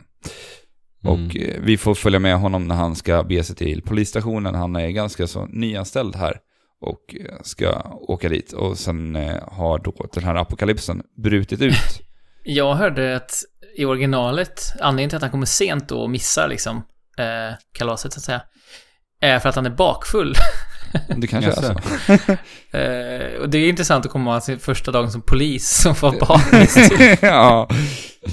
Han det kan... säger de ingenting om sp- i den här versionen. Nej, inte vad jag har lagt märke till i alla fall. Eh, Det kanske Ja, var en de- av alla förändringar. mm, ja. de, han firade väl kanske att han hade fått jobbet då. ja. Ja. Och sen så vart han bakis. Eh, men eh, på vägen till eh, polisstationen så stöter han på Claire. Och det är det här som är det häftiga med Resident Evil, att, att de här karaktärerna möts under vissa punkter i spelet. Och vi kommer kunna spela dem från de här olika perspektiven, för det utspelar sig, deras historia, under samma tid. Så det, det. finns ett par eh, punkter i spelet där, vi, där de stöter ihop varandra. För så fort Mm. vi kommer till polisstationen då så splittras de här två. När vi eh, kör in, nej, det är en lastbil som kör rakt in i våran polisbil. Och det är en eld som separerar oss båda som gör att vi inte kan ansluta oss till varandra. Och väl inne på polisstationen så börjar ju alla de här eh, gåtorna, pusslerna och allt det där uppdagas och det är då spelet verkligen, verkligen tar fart. Och det första jag slås av är ju såklart skillnaden från originalet till remaken. Där vi i originalet hade det här fixerade kameravinklar. Vi hade liksom, Mm. de, de var fasta, förutbestämda, alla kameravinklarna för alla rummen. Vi hade de här gamla jobbiga kontrollerna, tank controls, där vi liksom höll Ja, framåt på, på D-paden. Ja. Och så skulle vi liksom rotera våran karaktär höger och vänster samtidigt som vi håller fram. Ja, det var jätteknöligt att spela spel på, den, på det sättet. Ja. Eh, jag har provat göra det faktiskt på senare dagar, för jag köpte ett, ett, ett annat utav Capcom-spel som heter Dino Crisis som styrdes på, på Nej, precis samma sätt. Och det var ju Mm. fruktansvärt att spela på det sättet. Men, ja. Men det var, det var liksom värt varenda liten eh, plåga för att få se de här dinosaurierna, din, dinosauriesmeten som han fick se dem. Mm. Jo men det var det. Jag tyckte det var ett underbart spel just Man var så svältfödd på liksom dinosauriespel så det var Men värt. det är vi ju fortfarande. Alltså, Ja, det är vi. Ja. kan inte Capcom göra en remake på Dino Crisis? Ja, ja, det Ja. satt vi och pratade om efter när jag, så, när jag berättat om det här spelet och det hade varit magiskt. Alltså jag fattar inte varför vi är så svältfödda på dinosauriespel. Det är helt Nej, det är sjukt. Mm, Monster har, Hunter har väl liksom Ja. på något sätt lite grann att, eh, men det är inte riktigt dinosaurier, men Nej. ish. Ja, jag tycker Men alltså- det är så jäkla märkligt alltså. Monster teamet borde få, få i uppdrag att animera de här dinosaurierna i Dino Crisis. oh, Ja. shit vad det skulle bli Alltså, bra. Ja. Herregud, alltså snälla, snälla. Jag vill ha ett, eller ett nytt Dino Crisis. Ja. Det finns Dino Crisis 3 tydligen. till Xbox. Ja, just det. Eller bara, eller bara Dino, inte Crisis, Ja. utan de bara har det bra liksom. Ja, ja, det är innan Crisis. ja. Ja, det kan vara en prequel. Ja. Ja, ja, det hade varit väldigt fint faktiskt. Ja, men ska vi hoppa tillbaka till Resident Evil kanske? Ja, men, Eh, ja, vad ska jag börja? Ja, men vad var jag på? Vi pratade om kameravinklarna. Ja och det. eh, med, med det så har de såklart gjort om hela kontrollsystemet. För det funkar ju inte att ha tank controls i en eh, 3D. Eller det funkar väl, men det är väl ingen som vill ha det. ja, nej. För att det är ju ett Det- väldigt dåligt sätt att spela spel på. det är inte ja. så modernt. Nej, det är ju inte jättemodernt. Och eh, det jag genast kände, så här, när vi, när vi, vi sa ju det när vi spelade, när vi fick eh, förhandstesta det här spelet, hur Mm. bra kontrollerna kändes. Ja. Och, eh, Ja. det är ju någonting som jag verkligen står kvar vid fortfarande. Det känns riktigt, riktigt bra att kontrollera de här karaktärerna. Alltså så här, vi har ju tidigare, i tidigare Resident Evil-spel varit väldigt begränsade i våran tredjepersonskontroll. ja. Att liksom kunna röra oss framåt och, och titta runt omkring oss samtidigt som vi rör oss. Mhm. Där var det så här, nu, nu ska du stanna och skjuta. Nu kan du inte gå och skjuta. Mm. Och det blir väldigt långsamt, radigt. Och speciellt när man spelar skräckspel, för då blir det så här, då måste du verkligen vara säker när du ska stanna och skjuta. För att annars så kan det komma någon... Men det, alltså det har ju också säkert varit lite med avsikt att det, de designat ja, men det har det nog också. Ja, men för eh, skull. de lyckas ju i det här spelet Ändå. göra det. Ja, Ja. Alltså de, de har ett eh, trevligare kontrollsätt som fortfarande liksom, och det känns fortfarande väldigt skräckinjagande hela, hela det här spelet, zombiesarna och hela den här platsen. Det lyckas ju verkligen fånga skräckkänslan på ett väldigt Mm. bra sätt ändå. Ja, men det är, det är ändå härligt att höra att de lyckas liksom bevara skräcken trots att du har en, en så himla välslipad spelkontroll. Och ändå, vad jag upplevde när vi spelade, en väldigt, väldigt fri kontroll över sin karaktär egentligen. Mm. Men lite på det spåret så har jag hört, jag har inte spelat en minut, det passar inte med i det här spelet, men, men två olika saker just angående det här. Att Dels att zombiesarna har mycket mer avancerad AI, vilket, ja, det, är väl, det får man väl anta att de kommer ha. Mm. Eh, men också att eh, de har mycket längre räckvidd än Ja, tidigare. ja, det har de. Eh, Att de kan liksom grabba fast tag i dig på ett annat sätt än vad de gjorde i original Ja, tvåan. det är ju jätteobehagligt för ibland så slänger de sig nästan över den när man försöker springa sig förbi. För det som är en grej med Resident Evil-spelarna, i alla fall de äldre, att, som jag sa tidigare, vi har ju begränsat med ammunition. Så att Mm. Du måste ju ibland ta, göra de här valen att inte skjuta vissa zombies. Att du bara försöker kuta förbi dem för att du inte har ammunition nog. Eller att du vill spara det till kanske ett större hot senare. Mm. Och i, i de fallen när man försöker springa förbi så kan de verkligen så här, nästan kasta sig över den. Och eh, det kan man ju få lite panik av ibland. Mm. Och, men ibland gör de inte det, så det är lite så här en, en, en avvägning man alltid får göra när eh, man är ute och utforskar hela den här polisstationen.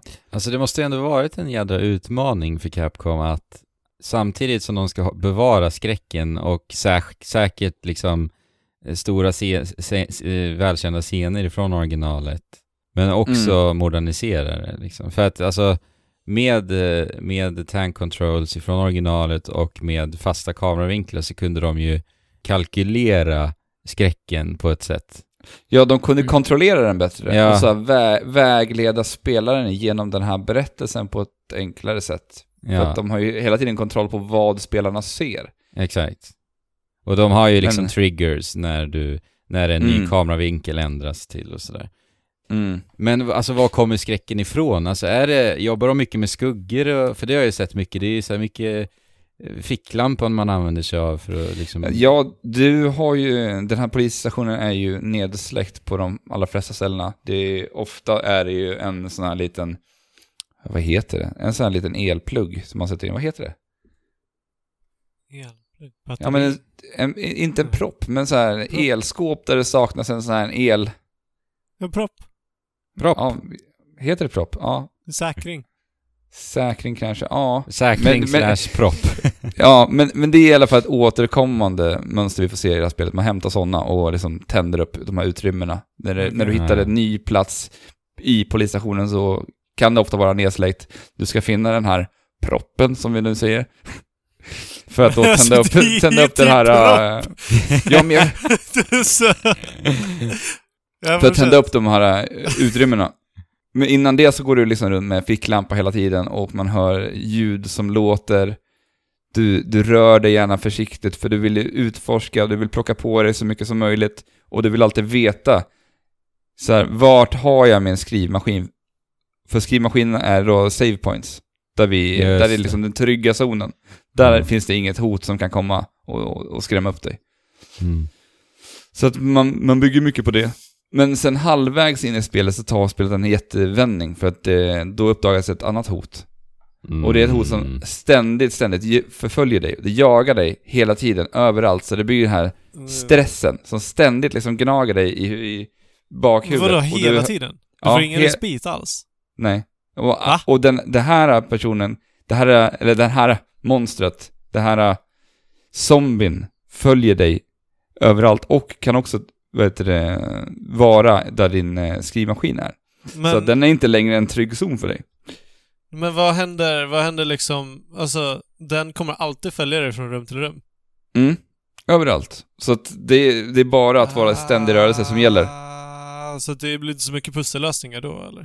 Jo, men du måste ju taktiskt navigera dig runt i det här rum, eh, i det här polisstationen. Men vet att- du typ över, eh, över kartan vad det är för något? Eller vad den är? Ja, du får lyssna. Ja, precis. Ljud. Ah. Mm. Så ja, att det, om det du hör låter liksom, som världens mardröm alltså. Ja, men det de har, ju- de har ju designat det så fruktansvärt snyggt för att när det här sker i spelet så har du låst upp så pass mycket i polisstationen att du liksom alltid kan hitta andra vägar ut. Mm. Snyggt. Så att det, liksom, det blir aldrig den här, äh, du kommer aldrig till den här återvändsgränden och bara shit, nu måste jag springa förbi, utan det finns ofta en annan väg som du Ja. kan ta dig runt för att sen ta dig vidare till en annan plats. ja, det är liksom designat så från första början. Ja, Och det var väl första spelet också, gissar men det, det är också så läskigt när det här sker och börjar, när det, när det här äh, monstret är på plats. För att då är det också större risk att använda skjutvapnen. Mm. För då hör ju han det här Ja, direkt just och det. börjar storma dit. På tal om lite smartare AI kanske. Mm. Ja, Jag tycker att det här spelet är helt fantastiskt. Och jag tycker det är underbart att känna att eh, Resident Evil är tillbaka på riktigt. Och jag hoppas verkligen att, eh, som jag sa när vi pratade Resident Evil 7, att eh, jag hyllade dem redan då för att de gick tillbaka till vad Resident Evil en gång var. Mm. Och hoppas ju att de, det kommer fortsätta så här. För att för mig är Resident Evil de här pusslerna. Mm. De här gåtorna som ligger utspridda överallt som jag kan låsa upp nya vapen och uppgraderingar till mina vapen och hälsa och allt möjligt som går att hitta. Ja. För det finns jättemycket saker att låsa upp det, det, om man bara sitter och ut, om man går runt och utforskar. och Resident Evil tycker jag alltid, alltså jag har lite samma relation som dig Alex. Jag har ju tittat på när våran far har spelat Resident Evil-spelen. Eh, Och Mm. någonting som verkligen har så här levt med mig med Resident Evil-spelen, det har ändå varit eh, alltså stämningen i spelen. Alltså det, det, Mm. det är en så otroligt så här krypande och obehaglig stämning i, i de här, speciellt de äldre, alltså ettan, tvåan minns jag specifikt just. Mm. Och, Ja, eh, absolut. och musiken är så här oerhört, eh, inte läskig, den är bara, ja, obehaglig helt enkelt. Mm. Jag, jag tycker att det här spelet verkligen fångar, för jag håller med dig mycket i det du säger om, om känslan och stämningen i Resident Evil. Och i den här remaken så tycker jag att de nailade det igen. Det jag liksom kände på den tiden till Resident Evil, fast liksom på nytt. Och Ja. det är så otroligt fascinerande att de lyckas med det. Och det är ju... Det går ju också in lite i det vi eh, ska diskutera lite senare här, att eh, återuppfinna sig själv genom att lita på det som gjorde spelen bra från början och sen finslipa lite saker som Mm. liksom modernisera det runt omkring på något sätt och inte Mm. göra om konceptet i grunden att, att det är problemet utan att eh, faktiskt eh, ja, ta det som gjorde spelen stora från början men putsa upp dem liksom. Mm. Mm. Och det är ju fint att se att det verkar motsvara nästan alla gamla eh, Resident Evil 2-älskares förväntningar, eller överträffa i många fall, har jag hört. Ja. Ja, alltså jag, jag absolut. gillar ju inte, precis som du Jesper, gillar ju inte skräck eh, i något medie egentligen. Men alltså jag blir ju sugen på att spela det här spelet alltså. Men, men du har ju det här lilla problemet att du gillar ju inte skräck, men du gillar ju monster och, Ja. och monsterdesign. Precis. Jag älskar monster, men jag hatar skräck. Det är ett problem, ja. Ja. Eh, en annan sak som jag tycker de ska ha så himla mycket kudos för, det är ju verkligen den här, eh, alltså världen och polisstationen. Hur de har designat det, hur de har omtolkat det här på nytt. Mm. Och liksom, men det, de har ju byggt om allt från grunden. Mm. Mm. Precis allt, för det är inte samma spel som det var då. Och det är, att de gör, bygger om precis allt och ändå lyckas känna Resident Evil 2. Det är Mm. fantastiskt. Mm, jag- imponerande. Jag tycker att det här är den bästa remaken som jag har spelat. Shit. Utan tvekan. Det, är- det är så fantastiskt bra. Och för er där ute som, som uppskattar att sitta och liksom nöta spelen och grinda det tills ni har liksom fått precis allt som finns i, i att hitta i spelen så finns det så otroligt mycket att göra i det här spelet. Det finns mängder av saker ni kan låsa upp. För att det finns, det har de, dels ett New Game Plus, sen har det två olika slut, nu ska jag se om jag får med allting. Men du kan spela det som Leon först som jag, och sen spelar du med Claire, och så får du ett slut där. Spelar du omvänt att du börjar med Claire och sen Leon så får du ett annat slut. Och då kan du låsa upp en annan karaktär om du har gjort de här två sluten. Och då har du en tredje karaktär att spela, sen kan du låsa upp en fjärde karaktär att spela. Så det finns väldigt mycket omspelningsvärde i det här att hämta. Har de olika storylines, alla karaktärer? Ja, så det är väl inte... Jag, jag vet inte riktigt om den tredje. Jag vet att Claire och Leon har ju olika storylines i alla fall. Jo. Eh, de andra har jag inte jättekoll på faktiskt. Jag vet bara att det finns. Eh, jag är ju inte den som sitter och nö- Jag är inte den typen av spelare som sitter och nöter allting. Nej. Det, det har inte jag riktigt tid och tålamod med faktiskt. Men det finns ju många där ute som gillar det. Ja. Får se om de gör en eh, remake på trean nu. Jag läste idag att det ryktas om det. Att de redan Mm. har påbörjat en remake av trean. Ja, det hade varit kul. Och eh, Resident Evil 8 såklart håller de på med. Men det, Alltså- det, vet, det vet vi ju. Jag är ju inte den som annars brukar bli så här peppad av remakes, men eh, jag kommer nog att bli ganska peppad på framtida Capcom-remakes efter det här. Det fina med Resident Evil remakesarna är ju att alla har det här vitsiga potentialen att de eh, heter remake, alltså RE-make. Ja. Ja, just, Ja. ja men eh, remaken på Resident Evil det första blev väl också tokhyllad när den väl släpptes. Mm. Jo. Det, Det var väl till. GameCube först, var det inte? Ja, visst var det? Jo. Ja. Jag tror Ja. det. Kommer ihåg det var sånt där spel som man inte trodde att den hårdvaran ja. Var mäktig att klara av liksom. Och Mm. att eh, Resident Evil 4 var exklusivt till GameCube inledningsvis. Det är, det är någonting som man glömmer bort när man tänker på det. Ja, Faktiskt. Ja. Därför borde du kanske ha Leon som spelbar karaktär i Smash. Ja, eller hur? Nintendo-karaktär. Mm. Men Alex, jag har en stor fråga. Mm. Den andra stora frågan idag. Mm. Det är när du trycker på start i startmenyn. Låter det som det gjorde en gång i tiden? Resident Evil. Evil. Det gör ju faktiskt inte det. Va? Det gör inte det. Nej. Är det sant? Nej, jag har varit jättebesviken. Men, Alltså så många gånger man har hört den där. ja, när pappa en lördagkväll sätter sig ner och spelar, så hör man Ja. den där startmenyn, ja. Är det något lite så här klirrljud också precis innan? Ja, det bara precis. Det är liksom boom, Resident Evil. Alltså jag det är någonting som jag tycker är väldigt häftigt. Jag gillar den där. Jag gillar det där Ja. mycket. Så att Ja, det, är, det- är en besvikelse Alex, att det inte Ja, det är ett, min- det är ett minus faktiskt. Ja. Det är som eh, Mega Man 11 och eh, bristen på eh, vakuumhopp. Är det sant? Ja, när man hoppar in genom de här eh, bossdörrarna så ramlar man bara ner. Man svävar ju inte igenom i luften. Mhm. Ja, just det. Ja, det var dåligt. Det är också, det är också Capcom. Ja, håller de ja, på håller de på med? Ta bort alla, alla gamla signatur-moves. Vi kanske kommer få Dino Crisis remaken trots allt, där vi tar bort Crisis. Dino. Eller så tar vi bara bort, eller så tar vi bort Dino istället eftersom att de tar bort de sakerna vi gillar. De bra delarna. Ja, var Crisis. Crisis. Ja, just det. Kris utan dinosaurier. Kris utan dinosaurier. Hur, går det ihop? ja. Nej, Ja, ska vi ja lämna, vi ska... Ja. Ja, lämna detta segment och röra oss vidare? mm, det gör vi.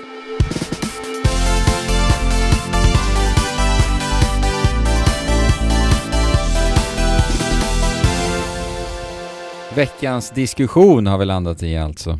Eh, vi har ju nu pratat om eh, Resident Evil 2 här senast, Mhm. innan pausen. Ja, ja. Och Yes. eh, Resident Evil 2 är ju ett japanskt spel ju. Och eh, Jesper, vad har du att säga om japanska spel idag? De är, de är jättebra. De är jättebra. Nej men jag satt och funderade, eller jag gick och funderade i Göteborg, jag är ju där och jobbar nu för tiden. Så gick jag av på Skandinavium, hållplats som jag alltid gör, och gick mot Liseberg, eh, där vi jobbar bakom Skandinavium och framför Liseberg kan man säga. Och då tänkte jag så här, Resident Evil, jag lyssnade på Resident Evil podd då faktiskt, eh, eller 8-4 podd, de pratade om Resident Evil, så tänkte jag så här, vad många japanska spelserier det är nu som har liksom återuppfunnit sig själva Mm. på något sätt. Um, man det kan ju tänka på Monster Hunter, eh, Zelda, Mario till viss del också med Odyssey som är en helt annan grej än många andra Mario-spel och, och Resident Evil och ja, det finns, och det finns många till, till och med JRPG-genren har ju liksom fått någon slags uppsving på senare år också. Mm. Final Fantasy 15, Kingdom Hearts Ja. 3. Octopath Traveler. Dragon Quest. Ja, precis. Det är många spel som i väst har fått liksom eh, helt nytt fotfäste än vad de haft tidigare. Mm. Jo. Och, och det slog mig att eh, det var så påtagligt hur, eh, vilken skillnad det är nu jämfört för bara, ja men drygt 10 år sedan kanske, typ, ja, 10 till 15 år sedan. Kommer ni ihåg hur, om man läste Level till exempel, så nämndes det hela tiden att så, ja, men Japans eh, spelbransch är i kris och Ja. det läggs ner arkader till höger och vänster och spelutvecklarna famlar i mörkret och eh, då, då var det ju många sådana här spel som som utvecklades som någon slags alltså det som verkar vara eh, slutsatsen av att japanska spelbranschen var gungade lite var så här, ja men vi har hamnat efter. Det är i väst som det händer nu, vi måste kolla däråt. Och så blev det eh, att man kopierade västerländska spelkoncept och försökte göra någonting av det istället för att eh, Fan. lita på Ja. den förmågan man har på något sätt. Mm. Fastän att västernspel tenderade att vara lite mindre kreativa och lite mer av samma. Ja, och framförallt sak. väldigt tekniskt drivna. Eh, Ja. Och det var ju en period också då det hände mycket med tekniken. Jag menar, där HD-grafiken eh, eh, började träda fram i spelen och så. Men Mm. det märker man ju på något sätt då att det var en, som sagt, till stor del en teknikdriven, jag vet inte, bubbla eller vad man ska säga, som Ja. inte riktigt höll. Om man, man kollar på till exempel Devil May Cry, alltså DMC då, remaken. Ehm, eller man kollar på, vad heter det här spelet, um, där man glider runt på knäna och röker. Det? Vanquish. Ja, Ja. som i och för sig har sina eh, fans, men, men det är ju någon slags God of War-kopia. Eller God of War säger jag. Gears of War menar jag. Eh, Mm. det, fin- det fanns många exempel på den tiden där det kändes som sagt som att Alltså, man liksom tittade ängsligt mot väst. Mm. ja, ja, verkligen. Jag, nu drog ju du ganska dåliga exempel. Alltså, Va- Vanquish tycker jag inte ska nämnas där Jesper. men, eh, Nej, men- men, jag förstår vad du vill säga. Alltså, jag tänker på Dark Sector, det här Capcom. Mm. Visst var det Capcom som gjorde det? Eller var det Dark Void de gjorde det? Dark... Oj. Dark Void, Kan ja. Dark Void var det nog. Det, men det var ett sådant spel man bara, herregud vad, vad är det som händer nu? Och, och Mm. egentligen så var det ju den här tiden där Resident Evil tog just det här skiftet och började ifrågasättas egentligen. Eh, med Resident Mm. Evil 5 och sen gjorde de ju sexan efter det som... eh, som var ett riktigt bottennapp. Ja, för vad Mm. spelserien är liksom. Det Mm. enda jag minns ifrån Resident Evil 6, jag har inte spelat det, men det enda jag minns kring liksom vad det är för någonting är att loggan, Ja, just det. eh, det var någon som såg att det var en Giraff. kvinna som sög av en giraff. Va? Just det. Eh, och, Va? ja, och det var liksom det som, och ni kollar på loggan sen ska Va? ni se, när ni har sett det en gång så kan ni inte unsee it. Är det sant? Nej, nej, jag har och, sett... det, och det säger väl ganska mycket om liksom den eran av, av Resident Evil, att det var det som var det minnesvärda. Shit. Eh, Ja. Ah! Den- det, ja. vilken, vilken snygg giraff. Ja. Nej, men jag, jag, jag kommer också ihåg den här tiden väldigt mycket, för att jag vet att Capcom var ju en sån studio som under den här perioden började outsourca en hel del speltitlar till väst också. Vi har ju Bionic Commando som eh, svenska Grin gjorde. De gjorde både 2D-remaken som eh, väldigt omtyckt. Mm. Men sen så gjorde de det här försöket att försöka förnya spelserien och göra ett 3D-personsäventyr som inte alls gick hem lika Mm. mycket. Men och snubben rastaflätor. eh, Ja, precis. Rastaflätor Konstigt. och metalarmen. Men eh, jag måste säga det, jag spelade ju eh, Rearmed, alltså... Nej, Rearmed, det är kanske tredje spelet. Vad heter det? Eh, remaken på NES-spelet. Um, heter var inte det Jo, Rearm? rearmed. Det kanske var det var. nog. Ja, det kanske ja, det jag tror det var det. Jag, sp- jag spelade det för senast för två veckor sedan bara. Eh, för multiplayer-spelet i, i Rearmed är ju faktiskt alltså otroligt bra. Jag vet inte om ni har spelat någon gång, men det är helt fantastiskt. Är det? Eh, och det är inte så otippat på något sätt. Eh, för som du säger, i övrigt så kände man ju mest att det var eh, liksom fladdriga, veka spelupplevelser som man fick istället för... eh, Mm. Det, det fanns ingen liksom, genuin driv. Alltså man saknar hela den här eh, visionen som i många japanska spel är ganska kompromisslös ofta. Mm. Eh, Mm. Framförallt på den tiden var det ännu mer så att man var inte västanpassad liksom. Men, men där var det bara så här, ja, det, jag vet inte, vi försökte tilltala någon slags bred målgrupp med eh, till exempel Rearmed och, eller med inte Rearmed utan Bionic Commando 3D-versionen där den nya. Mm. Och det tilltalade ingen istället. Mm. Ja, det var väl eh, i den här tiden där eh, Microsoft försökte fånga, hova in japanska spelare också med Lost Odyssey och eh, Blue Dragon JRPG-spelarna. Mm. Har ni lyssnat på det här äh, avsnittet från Peter Spel när de pratar med, med Grin, gamla Grin-anställda som eh, också under den här tiden fick i uppdrag att göra ett nordiskt osande Final Fantasy. Ja, just det. Nej. Har ni inte lyssnat på det? Det är en fantastisk berättelse. Det är, det är verkligen en rekommendation att spana in. För var det i den här. tiden kanske?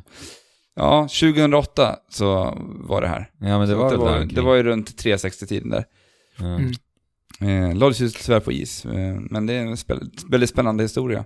Och Mm. eh, även där försöker de blicka till, till västpubliken.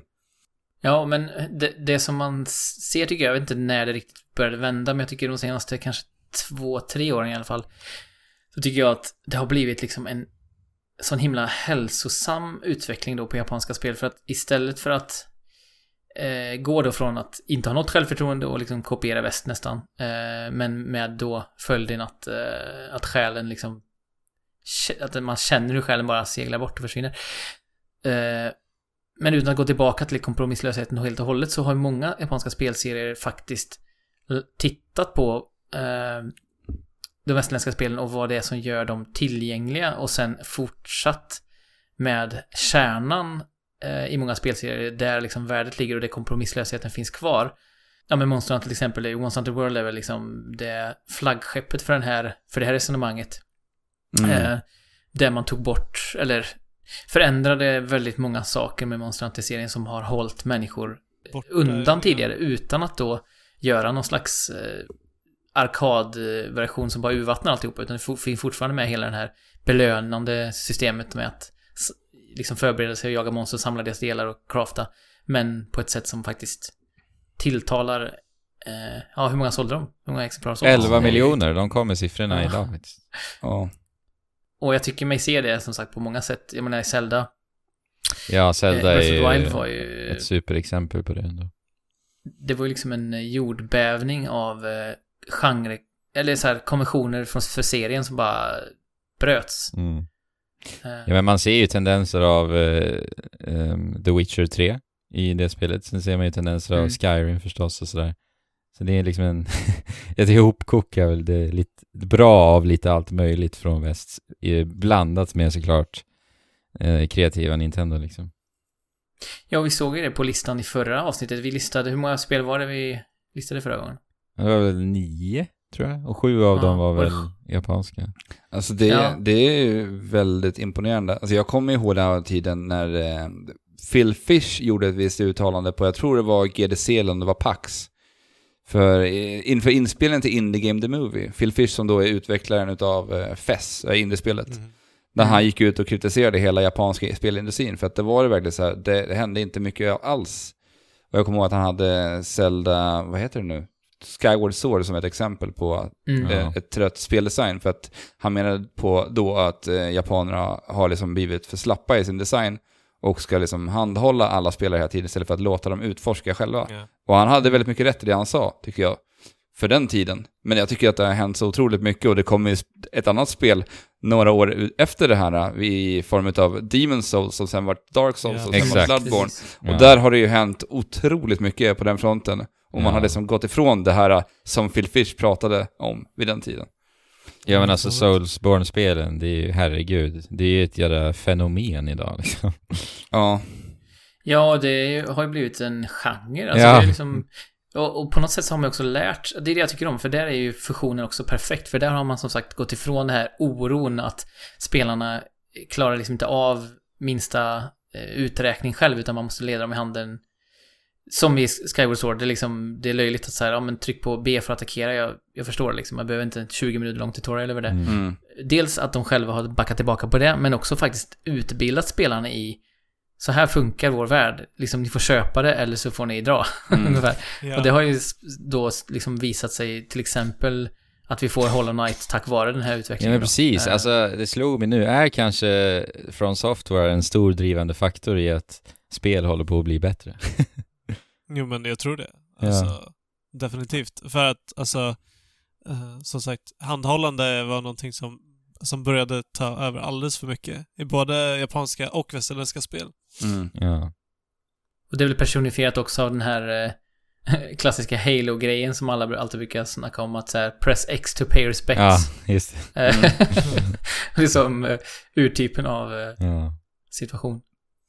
Men eh, hur ser framtiden ut nu då? Är det, fortsätter liksom Japan, eh, eller kommer det bli en sån här, är det en cykel? Kommer Japan bli bekväma igen nu att de är ledande och Alltså, eh, jag, jag, tror, jag tror att eh, mycket eh, av det här med uh, Japan-dippen var att Nintendo fick så stora framgångar med Wii.